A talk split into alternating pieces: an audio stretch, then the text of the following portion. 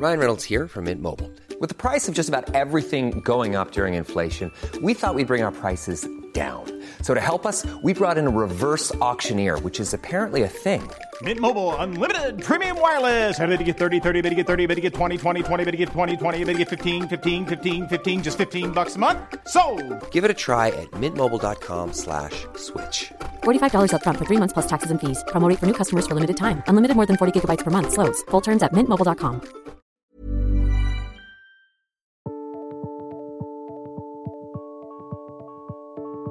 det viktigste er outputen. Altså hvor god prosess får du til, hvor godt klarer du å få til forhandlingene, og hva er verdiøkningen du får til sammen. Og kontrakten er jo en kontrakt som skal regulere et samarbeid som skal gå bra. Det var to ting jeg liksom hadde med meg inn. Det var legge en strategi og tempo i gjennomføring. Strategi er en plan, en vei mot et mål.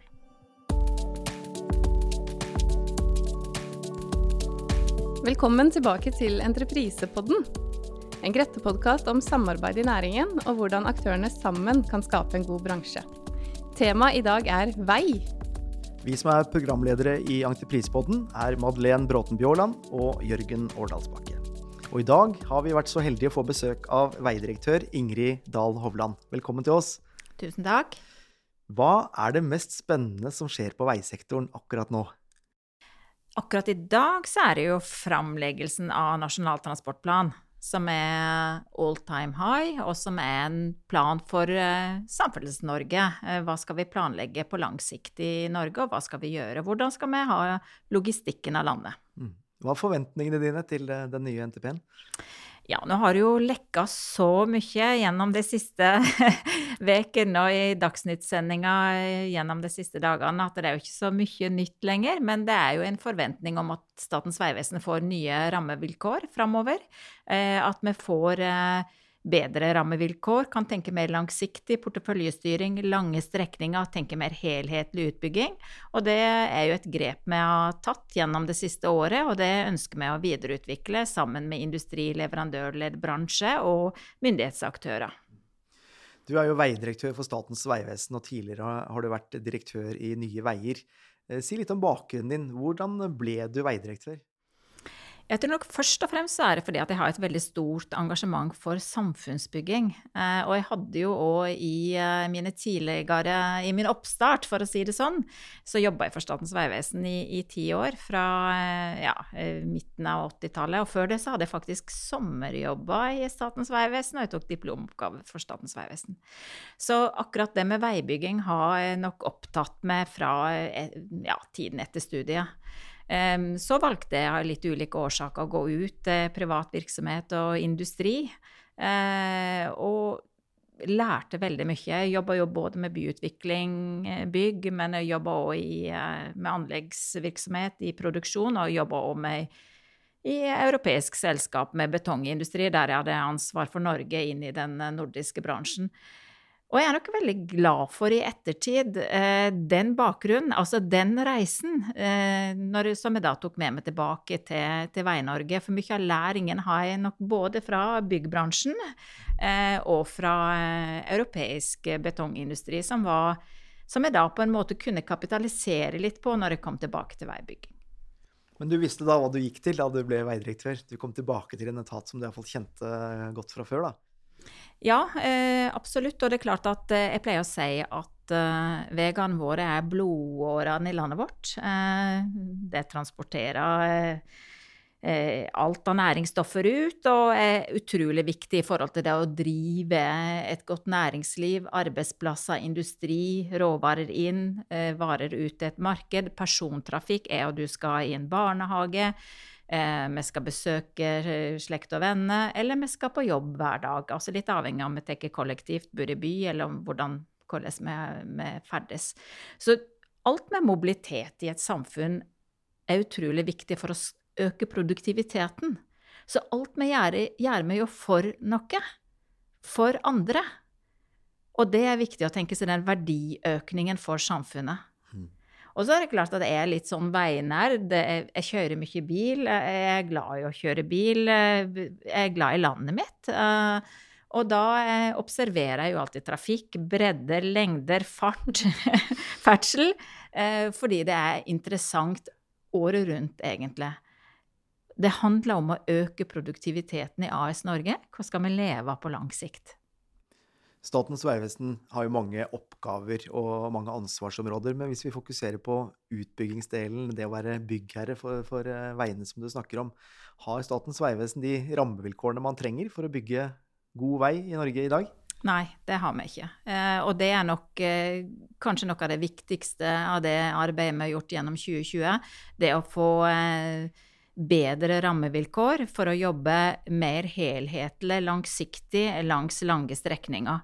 Ikke stykkevis og delt, men tenke helhet rundt eh, logistikken for landet, og til enhver tid eh, skape merverdi for kunde og sluttbruker.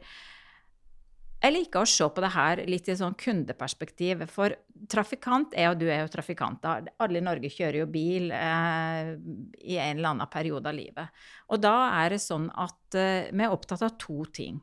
Eh, for det første så har vi veldig spredt bebyggelse i Norge som er veldig avhengig av bil. Vi har valgt å befolke landet på den måten. Eh, men det andre er jo at vi er opptatt av to ting. Det er, ene er å komme sikkert fram. Altså det at vi kommer sikkert dit vi skal, uten skade på oss eller familie eller barn, det er en selvfølge for oss. Altså vi tenker ikke på at vi skal skade oss når vi setter oss i en bil, sant? Eh, så det er viktig. Det må vi alltid ha en sånn ryggmargsrefleks på. Og så er vi opptatt av å komme dit vi skal, når vi skal. Vi er opptatt av tid. Sant? Så sikkerhet og tid er viktig i forhold til det å skape forutsigbar, god mobilitet i et samfunn. Og, og, og, da er, det det vi må tenke på hver eneste dag i Statens vegvesen. Hvordan skaper vi den forutsigbarheten for trafikantene? For meg og deg som skal til og fra barnehage, eller besøke noen, eller du kjører langtransport for Gilde kjøtt eller Tine. Du er opptatt av forutsigbarhet. Du skal gjøre en jobb, eller du skal ha et oppdrag utført. Og du skal gjøre det på en sikker og god måte. Hvordan tenker du at eh, norsk veibygging eh, sammenlignes med det store utland? Ligger Norge foran? I Norge så har vi en veldig krevende topografi, og så har vi ikke så mange innbyggere. Så, så, sånn sett så er det jo krevende eh, i forhold til det å finansiere opp relativt dyr eh, veibygging for færre, da, kan du si. For vi er mindre trafikk enn f.eks. inn og ut mot Hamburg eller motorveiene i Tyskland eh, eller Nederland. Så um, vi har nok gjort ting veldig sånn stykkevis og delt. Og i og med at vi òg har en spredt bebyggelse og et landstrakt land og krevende eh, årstidsvariasjoner, så, så, er det et krevende land å bygge vei i.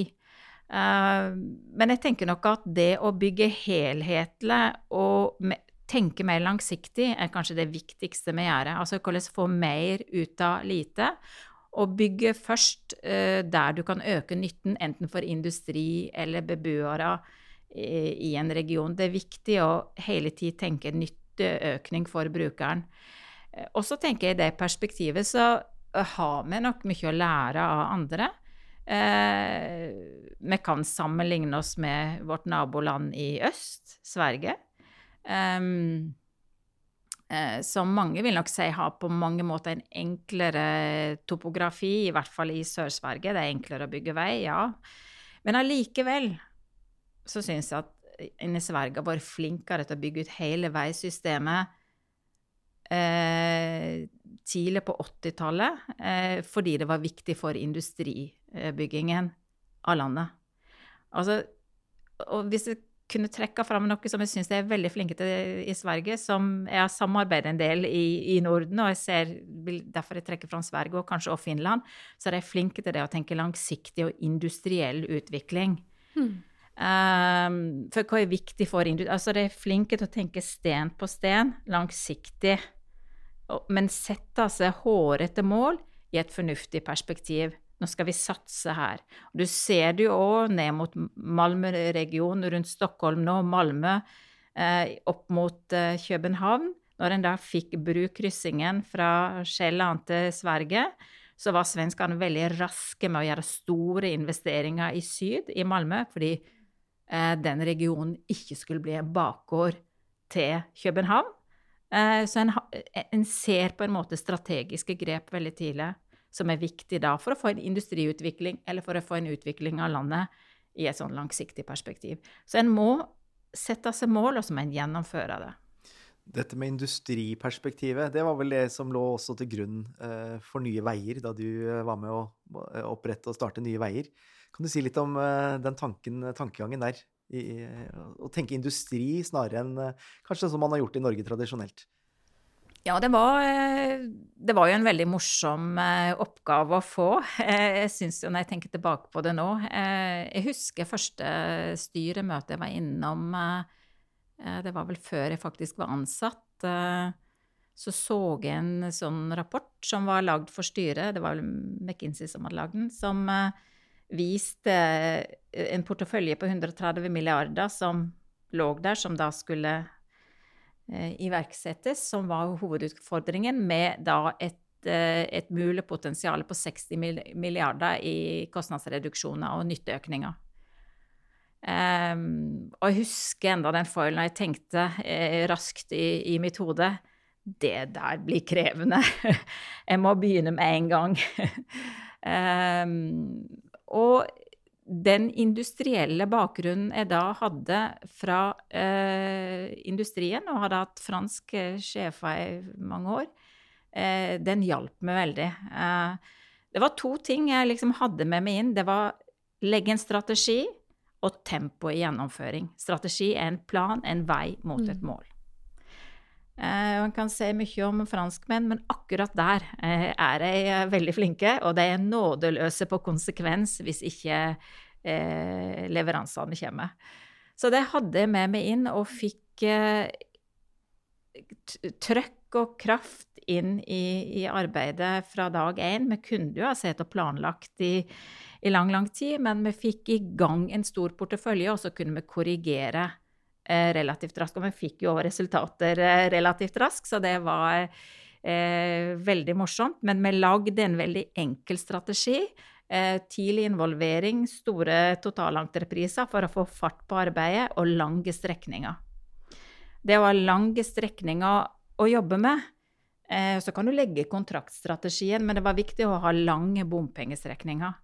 Eh, så det at vi fikk til det tidlig, eh, allerede det første halvåret, det var eh, Det ble litt av suksessformelen. Og det var nok mange som ikke trodde at vi skulle få igjennom tre bompengeproposisjoner før sommeren det første året, men det fikk vi altså igjennom. Men da hadde vi mye drahjelp av alle som ønska at vi skulle lykkes, og det det får en jo ta med seg. Godt team, fikk på plass godt team og godt samarbeid god hjelp, og eh, ikke minst da på eh, å bruke anskaffelsesverktøyet maksimalt i forhold til den, det samarbeidet en skulle ha ut mot industri, leverandørledd, for å få til gode leveranser sammen. Mm. Er det plass til disse lærings... Eh, eller erfaringene som du har trukket fra Nye Veier, er det plass til det i Statens vegvesen? Ja, det gjøres jo mye av det her i Statens vegvesen. Eh, men Statens vegvesen har en mer eh, mangslungen portefølje. Men det er klart at mye av det som eh, vi gjorde da i Nye Veier, det var jo, Vi kikka jo mot Helgelandsmodellen, denne utbyggingen som pågikk der, for å få mest mulig kreativitet inn i anskaffelsen. Så alt rundt forhandling, samhandling, som en hadde kunnskap om på det tidspunktet, ble jo tatt inn. Eh, og så er det jo noe med at eh, overgangen da fra Nye Veier til, til Statens vegvesen er jo på mange måter stor, for her er porteføljen mer større. Det, altså det er mye smått, mellomstort og, og store kontrakter. Men hele tida må en bruke de erfaringene en har, og så utvikle seg videre. Og så må en korrigere mot forbedring. Sant? Så det, det, er viktig å hele tid tenke kontinuerlig forbedring i forhold til det å få mer ut av hver krone. Få kostnadene ned og nytten opp for brukeren. Du har i en artikkel i Aftenposten, eller et intervju i Aftenposten for en stund tilbake uttalt deg nettopp om Helgelandsmodellen, som du nevnte, at dette er alle tidliginvolveringers mor. Mm -hmm. Kan du si litt mer om det? Ja, jeg syns en var eh, veldig flink på Helgeland. Jeg er litt sånn usikker på om det er del av miljøet i Statens vegvesen som har vært veldig kreativt der, om det er fordi en er veldig langt fra Oslo, så en har liksom gitt seg sjøl litt større armslag. Av og til så har jeg tenkt at det kanskje er sånn, men veldig, veldig flinke folk som eh, jobber hardt for å få mye ut av hver krone. Og, og det å ha evnen til å korrigere underveis, hvis du ser at det her kunne vi ha gjort bedre. Eh, her trenger vi kompetansen fra industrien eller fra entreprenøren nå til å få til en enda bedre løsning. Kanskje da mer optimal. Eh, forenkle og få enda mer kroner da til å bygge lenger eller gjøre bedre tiltak lenger fram.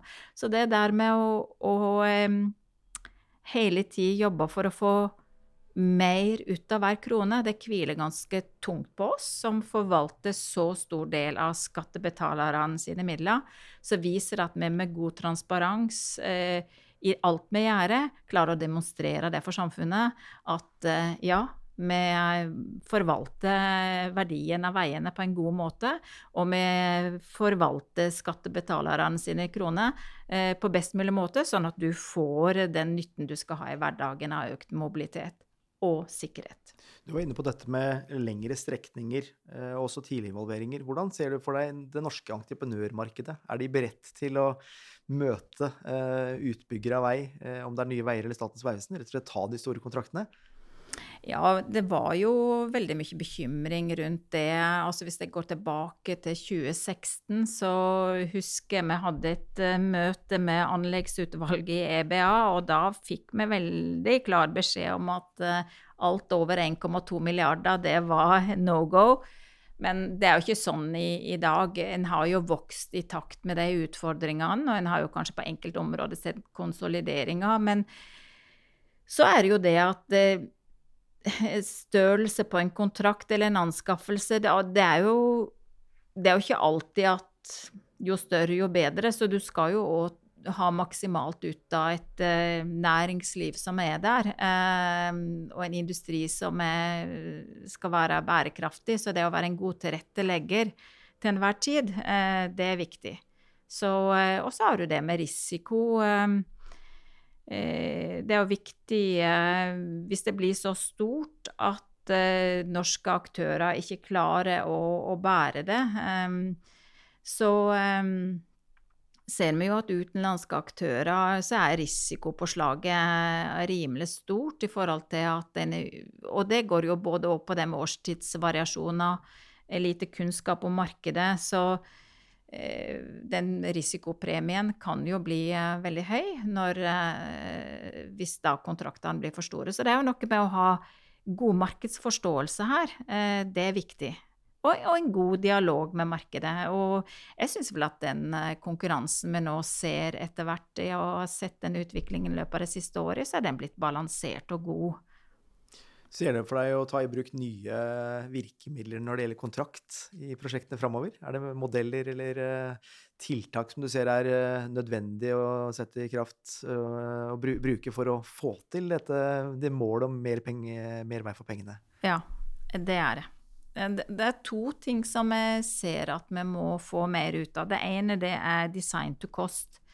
Eh, vi har jo trukket fram Valdres-modellen i litt ulike sammenhenger. altså En har bygd E16 e litt eh, Altså hatt så og så mye penger eh, hvert år, og, og, nærmest hatt avrop eh, langs en lang strekning som har vært veldig, veldig vellykka.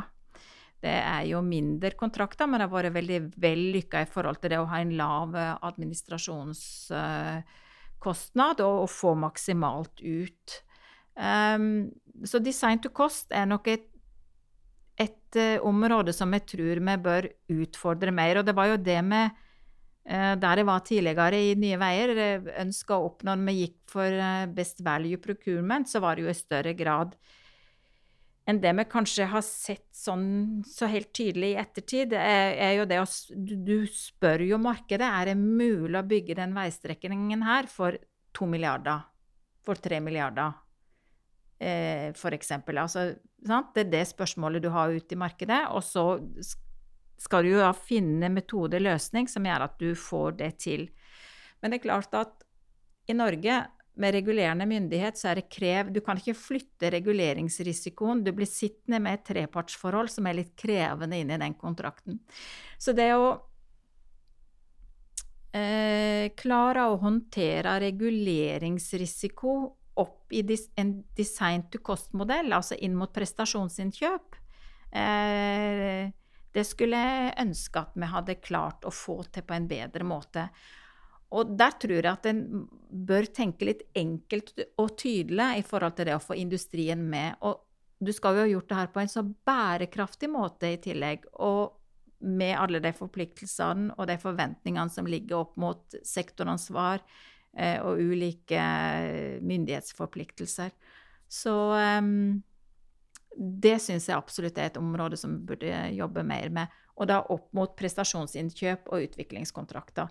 Så det å bruke anskaffelsen mer kreativt. Jeg vi har en utfordring å få til på en bedre måte. Og så blir det litt sånn eh, diskusjoner rundt eh, IPD eller BVP eller totalentrepriser, men det er på en måte ikke det blir en litt sånn, eh, hva skal jeg si, eh, litt religionsdiskusjon når du begynner å diskutere med ulike miljø det viktigste er outputen. Altså hvor god prosess får du til, hvor godt klarer du å få til forhandlingene, og hva er verdiøkningen du får til sammen. Og kontrakten er jo en kontrakt som skal regulere et samarbeid som skal gå bra. Men rett og slett se hva man fikk ut av de midlene man hadde til rådighet, da. Mm. Mm. Nå har du jo vært litt inne på det allerede, men eh, kan du si noe om hva som kjennetegner et vellykket veiprosjekt? Ja, det er jo det at du får ut verdiøkning for kunden og sluttbrukeren. Eh, og da eh, til en riktig kostnad, altså en optimal kostnad. Eh, fordi at du har ikke Du har ikke uendelig med midler. Altså, en har for Jeg syns ofte at en har for lett Eh, at den går liksom for, for, lett inn i den fella at det skal være et flott prosjekt. Mm. Men et flott prosjekt for hvem? Det er for det vi er opptatt av, det er for kunden. Mm. Og kunden, det er meg og deg når vi kjører på veien. Eh, og da er, er, vi opptatt av to ting. Vi er opptatt av sikkerhet, og vi er opptatt av tid. Mm. Så, så, utfordringen for oss som bygger her, er å få mest mulig verdiøkning for eh, trafikanten, eh, brukeren av veien. Og så eh, er det jo da for samfunnet bedre produktivitet og logistikk på lang sikt. De som bruker eh, norske veier, har de høye forventninger? Jeg tror det kommer litt an på eh, hen du spør, for når du kjører på enkelte norske veier ute i distriktet, så, så, er det å snirkle seg fram. Altså det, så det er ganske, et ganske brokete bilde over eh, når du ser Norge under ett. Mm -hmm. eh, og en del fjelloverganger som eh, eh, dessverre er stengt, eh, og har mange stengninger i løpet av en vinter. Og det, og det er klart at det er ulike årsaker til det, og været får vi ikke gjort noe med når vi skal ivareta sikkerheten. Men det er klart at for industri så er det krevende. Det, det er Altså, du, du, i dag sitter du jo ikke med lagerbeholdning, og du skal jo ha varer ut et marked, du skal ha inntekter, du skal Så um, jeg tenker at eh, Men på, det er klart at på enkelte deler eh, enkelte strekninger i Norge så har det jo blitt veldig bra, gode veier det siste året. Så det har jo skjedd mye bra. Men så er det andre deler av landet som fortjener og veldig mye mer. Vi må jo spørre deg litt om tvister. Det er jo mange tvister, og mange som er opptatt av tvister på, på anleggssektoren, og både innenfor vei og, og baneutbygging. Kan du si litt om hva Statens vegvesen eh, gjør, eh, og hva du gjør for å redusere tvistenivået? Ja, det er jo eh, flere ting. Altså, vi har jo i løpet av det året jeg nå har vært i Statens vegvesen, så har vi jobba mye med å få ned tvisteporteføljen, eller få ned konfliktporteføljen, eller der vi har konflikter og, og rettssaker som har rett og slett rydda fra en kant. Så det arbeidet pågår for fullt. Um, og det er noe med at uh, hvis den konfliktporteføljen blir for stor, så uh, opplevde jo jeg når jeg kom inn, at vi hadde, litt, vi hadde et dårlig renommé. Jeg var på en sånn konferanse i januar. Jeg hadde starta der i november i Statens vegvesen, og så var jeg på en konferanse i Ja, det var på vinteren, i januar, var det. Arctic Challenge på, oppe på Gardermoen. Jeg tror aldri jeg har fått så mye skjenn fra en scene som jeg fikk på den konferansen, i fullsatt sal. Og det var veldig ubehagelig. Men det var liksom De ville ikke jobbe mer for Statens vegvesen, for det var bare konflikter. Og, og, det er klart at det ble en sånn uh, eye-opener på mange Altså, sånn kan vi rett og slett ikke ha det, tenkte jeg.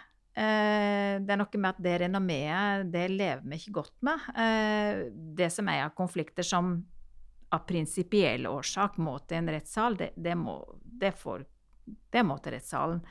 Men så er det sikkert mange ting på veien som vi kunne ha unngått. Eh, og da tenker jeg at eh, det er to ting som er viktig for Statens vegvesen, som jeg jobber mye med nå. Det ene er å forenkle. Når jeg hører at vi har eh, asfaltkontrakter på flere tusen sider, så er det flere tusen for mange, for å si det sånn. Så vi må forenkle, for det det har bygd på seg gjennom mange år eh, i, i, en del tilfeller, så vi må forenkle, og, og, og, sånn at det er tydelig hvor du skal levere, og til hvilken pris. Eh, så, så, forenkling det bruker vi i mange henseende, men, men særlig når det gjelder anskaffelser og kontrakter. Så er det det med å samhandle. Eh, og det blir jo uansett, tenker jeg Eh, så blir det ofte, kan det bli eh, diskusjoner og tvister. Det kan være mange grunner til det. Men det å eskalere ting tidlig, det er viktig. Be om hjelp. Få løst problemet. Og hvis du da svaret til syvende og sist er at en kanskje må bytte ut litt folk, så gjør det i hvert fall tidlig eh, i, i, samarbeidet. Eh, så det å eskalere ting sånn at en får løst det, og så gå videre, det er viktig. Ikke gjemme det bort og spare det til slutten? Ikke, ikke. Sluttoppgjøret løser ingenting. Det er bare krevende problemer. Kan det være at uh, byggherren og entreprenøren har ulike forventninger til hva man rett og slett skal gjøre i kontrakten? Ja, det tror jeg absolutt. Og det, skal en jo ha. For en, en uh, ivaretar jo ulike roller. Uh, så en skal ikke være sånn buddies heller, nødvendigvis. Altså, en skal ha respekt for at entreprenøren uh, tenker på en helt annen måte inn i en kontrakt enn byggherren gjør. Entreprenøren skal jo ha omsetning og produksjon og økt produktivitet på den ressursinnsatsen han har. Så han tenker jo jeg har jo telleapparat på, eh, på kubikk og gravemaskiner på en helt annen måte. Og det er jo ut ifra den produksjonsstrategien entreprenøren har i forhold til leveransene og den kvaliteten han skal levere. Byggherren skal jo ha et sluttprodukt. Så vi som byggherre er opptatt av hva blir levert. Entreprenøren skal òg i stor grad eh, være opptatt av hvordan det blir levert, for å sikre kvaliteten opp mot hva. Så vi er opptatt av hva vi får levert, i hvilken kvalitet og hvilken kostnad. Og hvilken tid, selvsagt. Mm. Tror du kontrakten i seg sjøl kan bidra til å Eller gode kontrakter kan bidra til å dempe konfliktnivået? Ja, absolutt. For enkle, gode kontrakter der ansvars- og myndighetsfordelingen er tydelig, det, det er viktig. Og så tror jeg ikke at uh, vi som byggherrer skal liksom løpe entreprenøren i næringen og bli overproduksjonsmestere. Altså det er noe med å ha, la, ha forståelse for den rollen uh, og den profesjonen. Mm. I Norge så har vi en sånn stolthet både hos byggherrer og entreprenører, det med kultur og det kunne veifaget. Tenker du at man kan gjøre noe med kulturen for å redusere konfliktene? Ja, altså det, det, er jo mange kulturer. Det er jo veldig forskjellige kulturer i Norge, og litt avhengig av hvor du er i landet. Og, og Møller er ulike selskaper òg, så er det veldig ulike kulturer. Så um, jeg tenker vel mer å ha forståelse for hverandres roller. Altså jeg, jeg syns at respekt, eh, og forst, respekt og forståelse for at vi ivaretar ulike roller, er viktig. Eh, og så er jo kultur eh, Altså det å være profesjonelle. Hvordan tenker du eh, Statens vegvesen som byggherre skal styre kontraktene? Ja, kontraktene er jo eh, eh, et virkemiddel som du bruker for å regulere et samarbeid. Eh, og for å sjekke ut at du er på check-check. Eh, og vi, vi, ønsker jo gjerne at check-check skal være grønt. Eh, så i forhold til kontraktssamarbeidet, så er i hvert fall min erfaring fra den tiden jeg var ute i prosjektet sjøl, at det å ligge i forkant, det å ha god forventningsstyring, forutsigbarhet, det er viktig. Og da må du ha samarbeid og kommunikasjon på en måte som gjør at du har det. Overraskelsene, det er da du skal det er et litt annet uh, løp. Da er det krevende. Og det er jo da en av og til kommer i situasjoner der en må eskalere. Altså når det er endring av uforutsette ting. Men det klarer en jo å håndtere, men en må ha det med transparens og få løst ting og gå videre. Dere driver jo en stor virksomhet i Statens vegvesen. Og hva med fotavtrykket når det gjelder klima? Hva tenker du som leder av Statens vegvesen i anleggsprosjektene? konkrete tiltak som kan bidra til å iallfall dempe utslippene? Mm.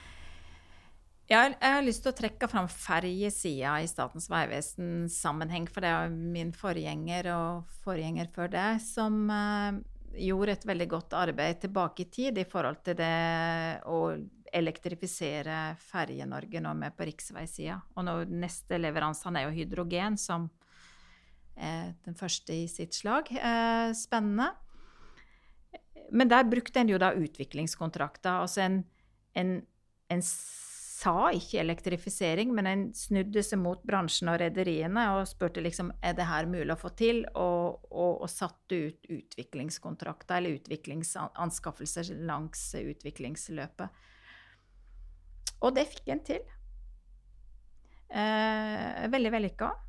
Eh, og en har jo nå batterifabrikker, så det har jo grodd òg rundt eh, de store leveransene og de vellykka kontraktene. Det samme må vi få til på land. sant? Så da må en ha utviklingskontrakter, prestasjonsinnkjøp, eh, for og sammen med industri og leverandørledd på samme måte. Det er det du må få til. Og da har jeg lyst til å trekke fram én ting, og det er materialutvikling. Um, og det er veldig interessant. En har hatt i Statens vegvesen uh, Hordfast, det er jo kanskje kjent for mange nå gjennom media, det er jo et stort prosjekt, men der er det en brukerkonstruksjon som skal høyt opp for å sikre seilingshøyde. Um, uh, stor brukerkonstruksjon, men det er da uh, aluminium. Det er nytt, men det er materiale som er lett eh, gjenbruk, lavt CO2-fotavtrykk, lave vedlikeholdskostnader, samarbeid med industrien. Sant? Vi kan aluminium i Norge. Det kan òg bli en eksportartikkel. Eh, og en er her på robotsveising, en er på helt annen, annen industriutvikling. Så det å bruke det her til å ta et totalskift er viktig. Tenke nytt. Eh, så du må på en måte jobbe med innsatsfaktorene i veibygging, altså på materialsida. Men så må du da i tillegg jobbe på eh, hen kan vi ha gjenbruk? Eh, hvor kan vi minimere forbruk? For alt det er jo viktig for CO2-fotavtrykket. Og så må du jo i tillegg ha med det med at du skal ikke ta ut for mye myr, du skal ha med mangfold. Og så skal du tilrettelegge for eh, økt Eh, elbilandel på norske veier, eh, eller biler som da ikke bruker fossilt drivstoff. Men det betyr jo da for Statens vegvesen at det her er nok motkrefter, for det er jo en stor del av vår finansiering òg, hvis du ser på bompengeinntektene. Så alt henger sammen med alt. Hvem er det som driver utviklingen fremover når det gjelder klima og den type kontrakter som du snakker om, utviklingskontrakter? Er det dere som må sette det ut i markedet, eller er det entreprenørene og leverandørene som eh, har en uh, oppgave også? Eh, vi, vi, har jo sett litt mot uh, olje- og gassindustrien, som vi opplever har hatt en vellykka runde på kontraktsida, hvis en ser fra Norsok og den endringen i forhold til det å få leverandørleddet knytta tettere opp. Eh, det tror jeg er viktig. Altså det å se på hele kontraktstrategien. Altså eh, hvordan forenkler du, og hvordan standardiserer du. Så jeg tenker nok at det bransjesamarbeidet mot industri- og leverandørledd eller entreprenørrådgivere eh, er utrolig viktig.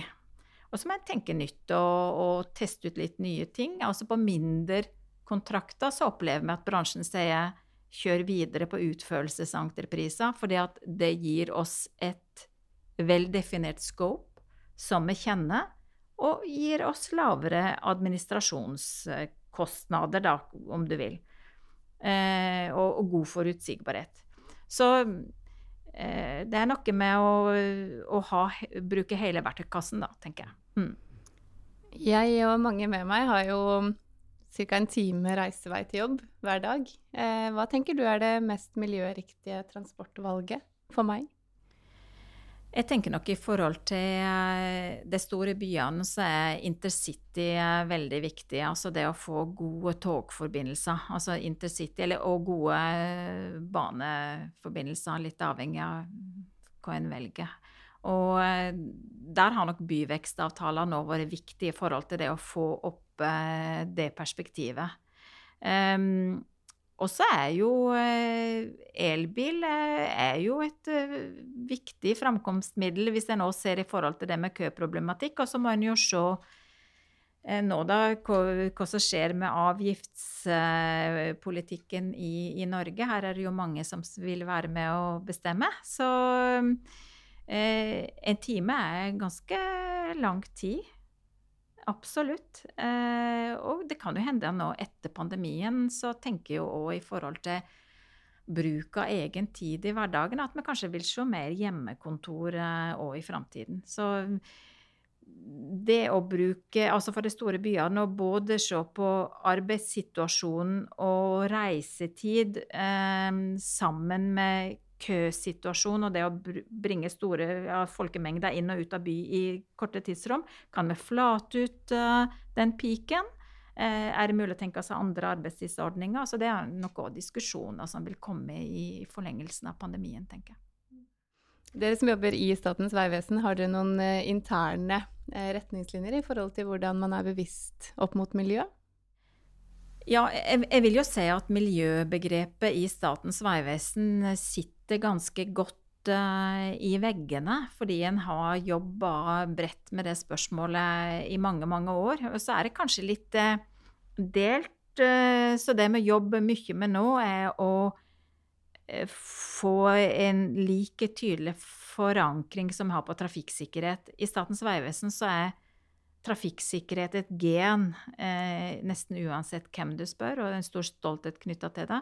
Det å få bærekraft på samme måte inn i, i alt vi gjør, der har vi en liten vei å gå. Det er nok riktig. Når du tenker på, eller Hvis du tenker på Statens vegvesen som bygger om fem år, hvor er, hvor er dere da? Ja, da tenker jeg at vi har eh, et veldig tett og godt samarbeid med bransje og industri i forhold til det å eh, øke produktiviteten i AS Norge. Eh, og med en eh, preferert byggeherre.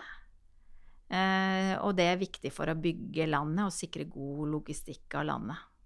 Og både når det gjelder da vei og, og veiformål, og, men òg selvsagt da kjøretøysida som eh, med å ha med oss på alt knytta til kjøretøyer, og framtidens autonomi er jo spennende, da.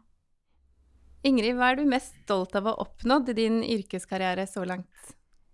Ja, det er nok eh, det å få eh, At vi har fått fart på Vei-Norge. Eh, jeg tror jeg bare skal si det. Det opplever jeg at vi har fått til. Og så har jeg lyst til å knytte en Forankre det litt tilbake i tid. Hvordan? Eh, fordi eh, eh, jeg jobba en periode i Selvåg bygg med veldig mye byutvikling. Eh, og da eh, gikk vi oppe på Løren Dette var tidlig på 2000-tallet. Og da var kjøpt, vi var de første som kjøpte tomta der oppe. Vi kjøpte Oslo Bilauksjon. Vi kjøpte gamle Løren leir med vann eh, den konkurransen. Og så kjøpte vi mm, den gangen eh, i sla, gamle slakteriet til Gilde. Og jeg gikk der opp på møll og bil, vrak slakteri og en nedlagt militærleir og en tranfabrikk og så i all verden Altså, det her hadde litt sånn vondt i magen. Dette her tenkte jeg Men så, i det systemet var da, så var en veldig god på én ting, og det er å lage hovedgrepet. Det lærte jeg hos mine den gangen oppdragsgiver i Selvåg bygg. Og det å få et godt hovedgrep, det er det viktigste. Så det å se hele løren under ett eh, den gangen, og, og, lage et godt hovedgrep, og begynne å bygge og tenke langsiktig Vi jobba òg den gangen med for å få T-banen innom. sant?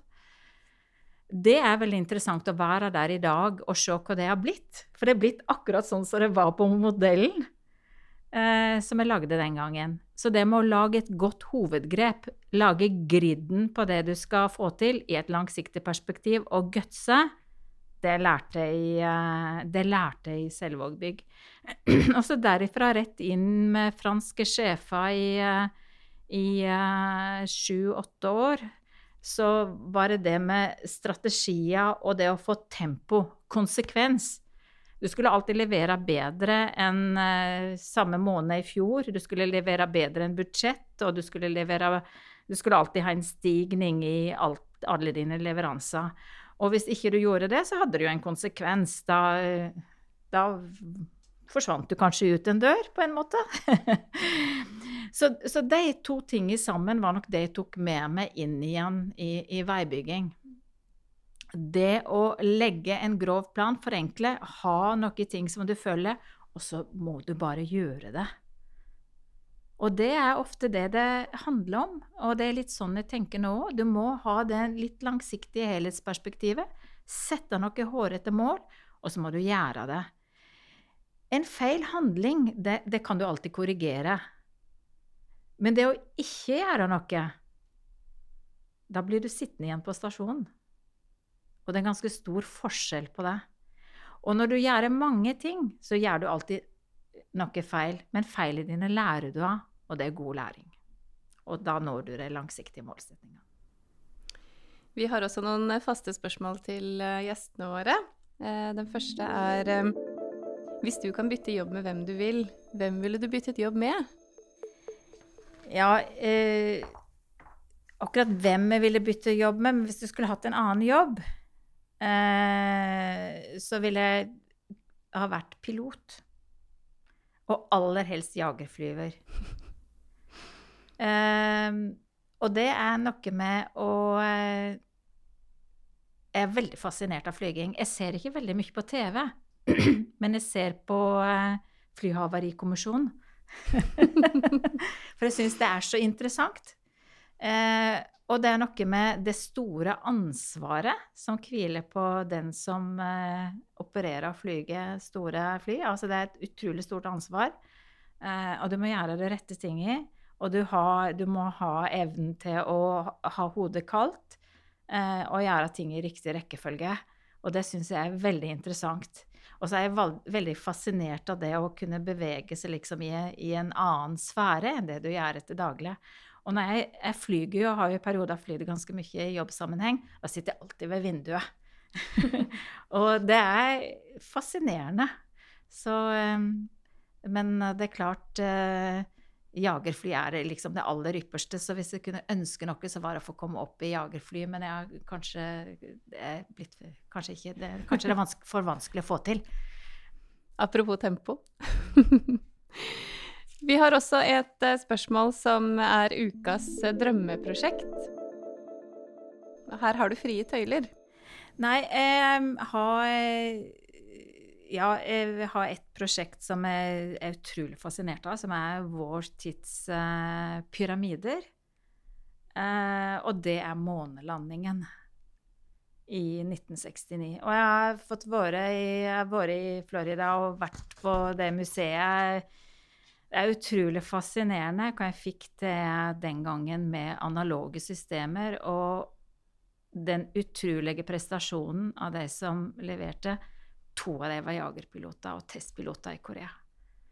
Og, det, og veldig mange av de som var i, i NASA og i, i, den oppbyggingen av astronaut Ja, den Det som leverte varene til å begynne med, var ofte jagerpiloter, testpiloter. Veldig fascinerende. Men det er vår tids pyramider, altså det, det, det, prosjektet. Med stort sett analoge systemer og eh, fantastisk presisjon. Eh, det er sånn at jeg kjenner at jeg får litt sånn gåsehud etter den, jeg tenker på den omvisningen og den befaringen der borte. Det er, det er nok det ypperste av prosjekter sett med mine øyne i, i vår tid. Som en stor takk for at du er her hos oss i dag, så ønsker vi å gi deg en bok. Eh, og da har du ønsket deg 'Med fortiden som speil' av Terje Tvedt. Vil du si litt om det? Ja, jeg er veldig eh, interessert i historie. Um, uh, det er noe med at uh, ting gjentar seg på mange måter. Jeg er fascinert av tidligere kulturer. husk på det at når eh, Aleksander den store sto og så på pyramidene, så var de like gamle som for oss nå, når vi ser tilbake på Aleksander den store. Så det er et voldsomt spenn, eh, og det er fascinerende. Da ønsker vi å takke eh, deg, Ingrid Dahl Hovland, for at du kom til oss i Entreprisepodden. Takk for en veldig hyggelig og interessant samtale. Tusen takk.